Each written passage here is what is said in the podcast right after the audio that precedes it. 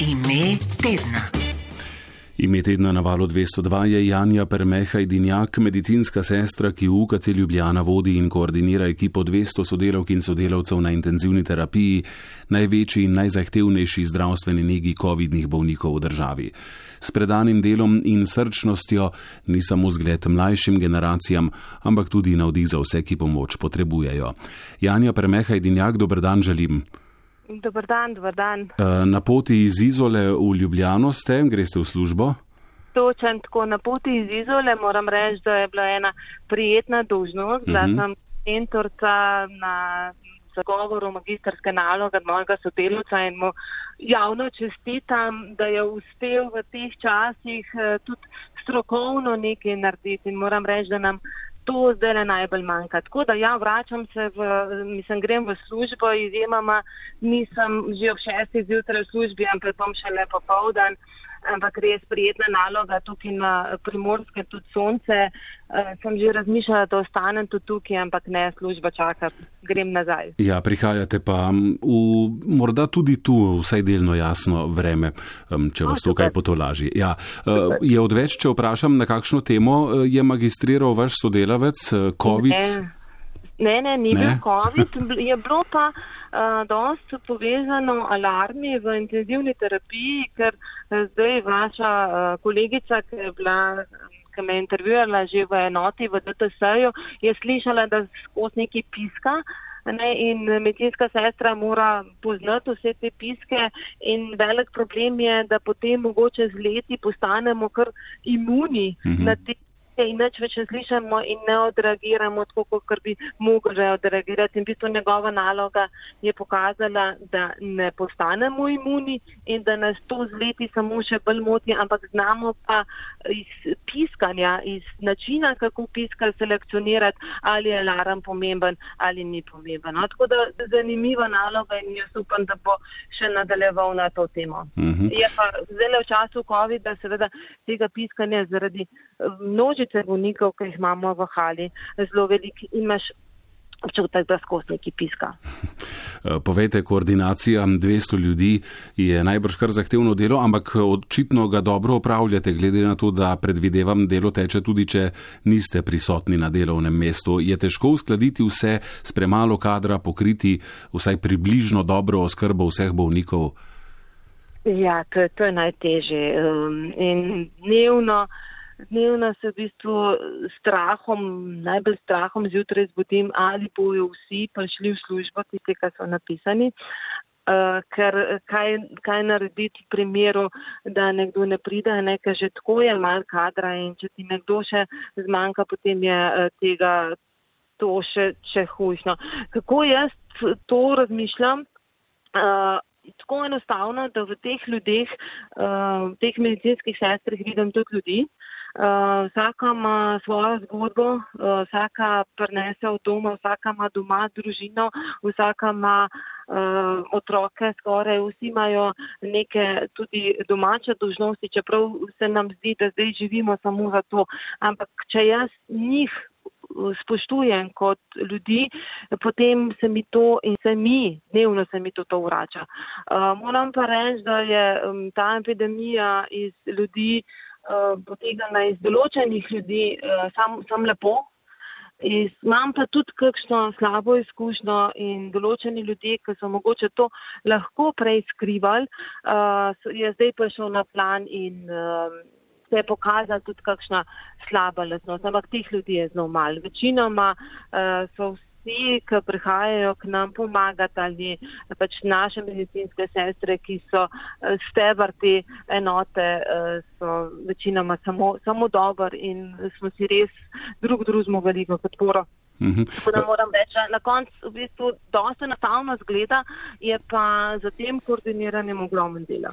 Pravzaprav. Delo pravi. Pravzaprav ne zgleda tako enostavno. Ne vem, ko beremo, poslušamo, gledamo reportaže, deluje marsikdaj to uh, precej kaotično, ampak najbrž gre za ta kaos, v katerem se tisti, uh, ki tam delate, pač znajdete. Ne?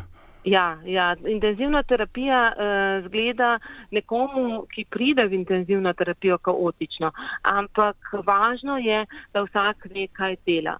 Seveda več bolnikov je bolje kaotično, manj medicinskih sester je bolje kaotično. Potem je, predtem je pa potem tukaj še ta vidik, ker določene medicinske sestre nimajo, niso usposobljene za to delo in jih mora bolj izkušena medicinska sestra spremljati, usmerjati. In tukaj, tukaj imamo danes zjutraj, mi recimo ena ob dveh zjutraj pisala, ker je, ker je opazila, da sem jo pisala že samostojno v bolniku, da ne bo zmogla. In te, te stvari moram potem reševati tudi ob enih zjutraj, pa tudi ob dveh zjutraj. Ne? Te izjemne situacije, ki pripeljajo. Ja, mm -hmm. Teda kaos, ampak to je tak organiziran kaos, bi temu omogočal lepo reči. Ja. E, torej, tudi nekaj spodbujanja je potrebnega, razbiram iz tega, kar ste ravno kar rekli. Zdaj, vem, da je to vaše delo, da se zavedate, nekako pomembno je, ampak vsakemu človeku, kdaj poidejo moči in volja, kako to rešujete? Ja, prejšnji teden uh, sem bila, jaz temu rečem, čez rob, ker enostavno so bili možgani prazni, uh, nisem več vedela, kaj bo še, ker je kazali, da bomo zmogli in smo jo odprli dodatno enoto, kjer lahko sprememo še dodatno. Še 13 bolnikov, lahko tudi, tudi več. To jaz uh, enostavno, mislim, enostavno, ni enostavno, ampak rešujem tako, da uh, se doma probam čim bolj sprostiti, da imam domače okolje uh, res. Spodbudno, da mi stojijo ob strani in da se ukvarjam s tistimi stvarmi, ki me pomirjajo, ki mi dajo energijo. In jaz grem vsako jutro še vse en kljub temu, da je težko z veseljem služba. Kako sprejemajo bolniki situacijo, v katero so se znašli? V naši bolniki uh, so zelo različni. Nekateri nam uh, so na nek način nehvaležni, ampak uh, si želijo naše pomoči. Imamo pa tudi take, ki uh, in v teh časih me to v bistvu na nek način preseneča, pa žalosti. Tudi take, ki imaš občutek, da smo mi krivi, da je do tega prišlo. Mi nismo krivi.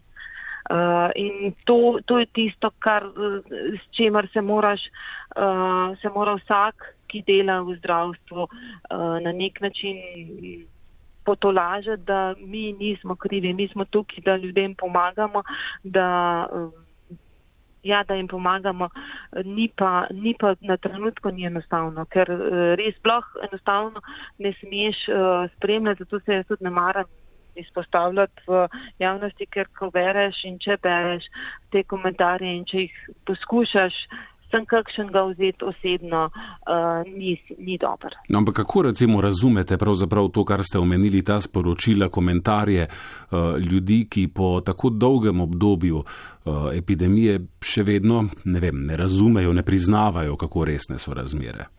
Ja, ne vem, jaz sem že večkrat rekla, da jaz pač tega ne moram razumeti. In jaz tudi mislim, da jaz ljudi ne bom prepričala uh, v to, da je stvar uh, COVID, COVID situacija resna in da se intenzivne polne, če vsi strokovnjaki na tem svetu določenih ljudi ne morejo uh, prepričati, potem sem jaz, jaz tudi mislim, da jih jaz ne bom. Uh, in tudi ne bi pomagali, da bi rekli, pridite pogledati, ampak. Uh, Zdaj, mogoče, mogoče res še več pogovora, še več s temi ljudmi takega pogovora, iz oči na oči. Uh, mogoče res, če, če kdo uh, bi želel, da ne da pride z bolnikom, ampak da, da se pogovarjamo, da, da, da izmenjujemo, kaj je tisti strah. Ker jaz, jaz ne morem verjeti, da ljudi v bistvu. Um, mislijo, da, da tukaj nekaj uh, slabega se dela, da je nekaj, uh, mi delamo narobe, ampak so na nek način mogoče zavedeni ali pa jih je nekdo drug prepričal, da je tisti bolj prav. Mogoče bi se jih dal, uh, če bi se jih poslušali, kaj jih. Mm, kaj jih res muči, mogoče tudi prepričati. Ampak ne vem, mislim, da, da je več psihologov že razmišljalo o tem, da jaz sem premaj, premaj znanja na tem področju, ampak um, ljudi rabijo še pogovor pa neko. Um, Neka strokovna mnenja, še dodatno, da se jih prepriča, da, da, na, da na tak način, da se, vem, zatiskamo oči, ne bo šlo. Mi moramo pogledati, kje imamo težavo in mi moramo to rešiti skupaj, pač moramo rešiti. Pa se vi tudi sicer recimo zasebno kdaj znajdete v kakšnem takem pogovoru pro et kontra? Um, tudi. A, Aha, se pravi, ni dovolj, da prihajate z intenzivne terapije in bi vam ljudje pač verjeli. Ne, ne, ne, ne, kje pa. Še, v bistvu si še večkrat um, v tej situaciji postavljen, da tako tako mislijo, da, ne vem, ja, da se izmišljujemo in na koncu dobiš včasih še to, da smo srečni, na nek način srečni, da imamo to bolniko in da COVID situacija je, kar se imamo pa dodatke. Uh -huh, uh -huh. Uh, Da, ja. še, še to glede bolnikov, ko sem vas prej vprašal, kakšna je njihova um, reakcija, kako se recimo soočajo s to situacijo, v kateri so um, večina uh, bolnikov, ki so na intenzivni negi um, s COVID-om, je necepljenih. Torej, to se mi zdi nekako dober odgovor na vprašanje, ali so cepiva učinkovita zaščita pred hudim potekom bolezni. Se pogovarjate o tem z bolniki? Ja, zdaj z našimi bolniki, uh, prvo vprašanje, mislim, vedno se jim postavi vprašanje, uh, ko pridajo, pa ko še lahko govorijo, morate vedeti, da naši bolniki so uspavani in potem uh, se ne moramo z njimi pogovarjati, ampak ko še lahko govorijo, se jih vpraša, ali ste cepljeni in če odgovorijo ne, in tudi vprašamo, zakaj ne. In večina mu je odgovor, ker ga je strah cepljenja. Mhm. Ja, tako da ni, ni pa, veste, bolnik, ki pride intenzivno, uh, težko, a ne, on je prestrašen, on je v hudi stiski uh, trenutno in karkoli, časih so tudi bolniki zmedeni, tako da ta, ta pogovor tež, težko vzameš, da je pa to zdaj, ne vem, bolnik bo uh, pa takrat rekel, ja, zelo mi je žal. Ja, se tudi kakšno reče, da me žal, ampak čutiš pa tisti strah v očeh, no, oziroma vidiš strah v očeh. Mhm. Nekateri, nekateri se tudi ne prebudijo, ne? kako se spoprijemate s smrtmi bolnikov, ki jih je veliko vsak dan? Oh, ja, um, zdaj smrtjo se v intenzivnih terapijah že. Ko, ko prvič prestopaš a, prak intenzivne terapije kot medicinska sestra, se sooča smrtjo. Tega je zdaj zaradi velike količine bolnikov več enostavno uh, uh, nikoli ne sprejmeš. Uh, in uh, za vsakega bolnika se zavedaš, da je uh, to ta človek, ta bolnik, nekomu oče, nekomu mož, uh, sin, brat. In uh, težko je, težko je gledati, uh, mogoče samega bolnika, nekdo, ampak težko je gledati uh, svojce, ki um, so res v stiski. In mi imamo mogoče več, več stika s svojci, pogovorom s svojci in na tem probamo, probamo to delati ob takih tak, težkih situacijah, v kateri se oni znajdejo. Vnik spi, ampak svojci so pa tisti, ki imajo uh, velike velike strese in velike preizkušnje. Uh -huh. uh, Janja Permeha Edinjak, če poskušava nekoliko bolj optimistično uh, končati ta pogovor, prejšnji teden so tele COVID-ne statistike morda nakazali na omerjanje četrtega vala epidemije. V bolnišnicah je sicer še vedno zelo veliko bolnikov, ampak morda je bil dosežen vrh, vas to navdaja, vsaj malo optimizma, smo mi pretirano optimistični. Jaz, jaz sem vedno optimistična. Uh. -huh. Uh, in vedno uh, rečem, mi bomo zmogli, uh, mi moramo stopiti skupaj in mi bomo poskrbeli, da bo za vse bolnike uh, varno in strokovno poskrbljeno. Tudi če še vedno nismo na vrhu, ampak uh, bomo naredili vse. Mi verjamemo, da boste. Danes, ko se boste vrnili na delo, zdaj smo vas mi zadržali, se kar izgovorite um, na nas velja. Uh, Janja Permeha je dinjak, medicinska sestra, ki UKC Ljubljana vodi in koordinira ekipo 200 sodelavk in sodelavcev na intenzivni terapiji, kjer skrbijo za najzahtevnejše COVID-ne bolnike v državi, je ime tedna na valu 202. Hvala za pogovor. Um, zdržite. Hvala, bomo. Srečno. Hvala vam, ja, dio.